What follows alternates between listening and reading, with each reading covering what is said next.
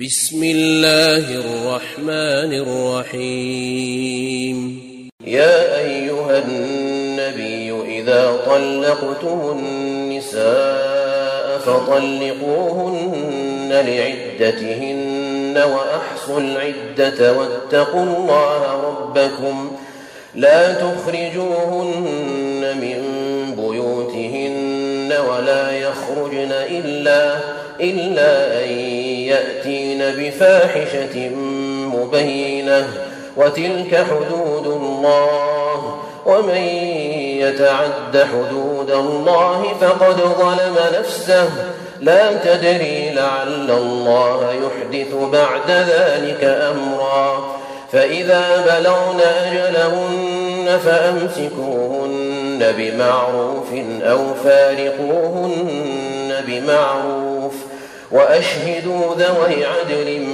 منكم وأقيموا الشهادة لله.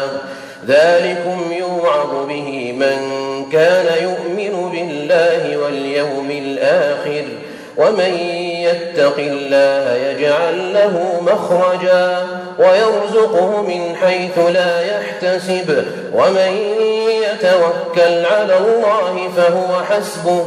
إن الله بالغ أمره قد جعل الله لكل شيء قدرا واللائي يئسن من المحيض من نسائكم إن ارتبتم فعدتهن ثلاثة أشهر واللائي لم يحضن وأولاة الأحمال أجلهن أن يضعن حملهن وأولاة الأحمال أجلهن أن يضعن حملهن ومن يتق الله يجعل له من أمره يسرا. ذلك أمر الله أنزله إليكم. ومن يتق الله يكفر عنه سيئاته ويعظم له أجرا. أسكنوهن من حيث سكنتم من وجدكم ولا تضاروهن ولا تضاروهن لتضيقوا عليهن. وإن كن أولات حمل فأنفقوا عليهن حتى يضعن حملهن فإن أرضعن لكم فآتوهن. أجورهن وأتمروا بينكم بمعروف وإن تعاسرتم فسترضع له أخرى لينفق ذو سعة من سعته ومن قدر عليه رزقه فلينفق مما آتاه الله. لا يكلف الله نفسا إلا ما آتاها. سيجعل الله بعد عسر يسرا.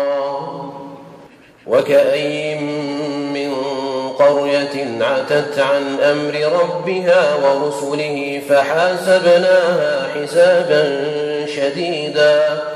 فحاسبناها حسابا شديدا وعذبناها عذابا نكرا. فذاقت وبال أمرها وكان عاقبة أمرها خسرا. أعد الله لهم عذابا شديدا.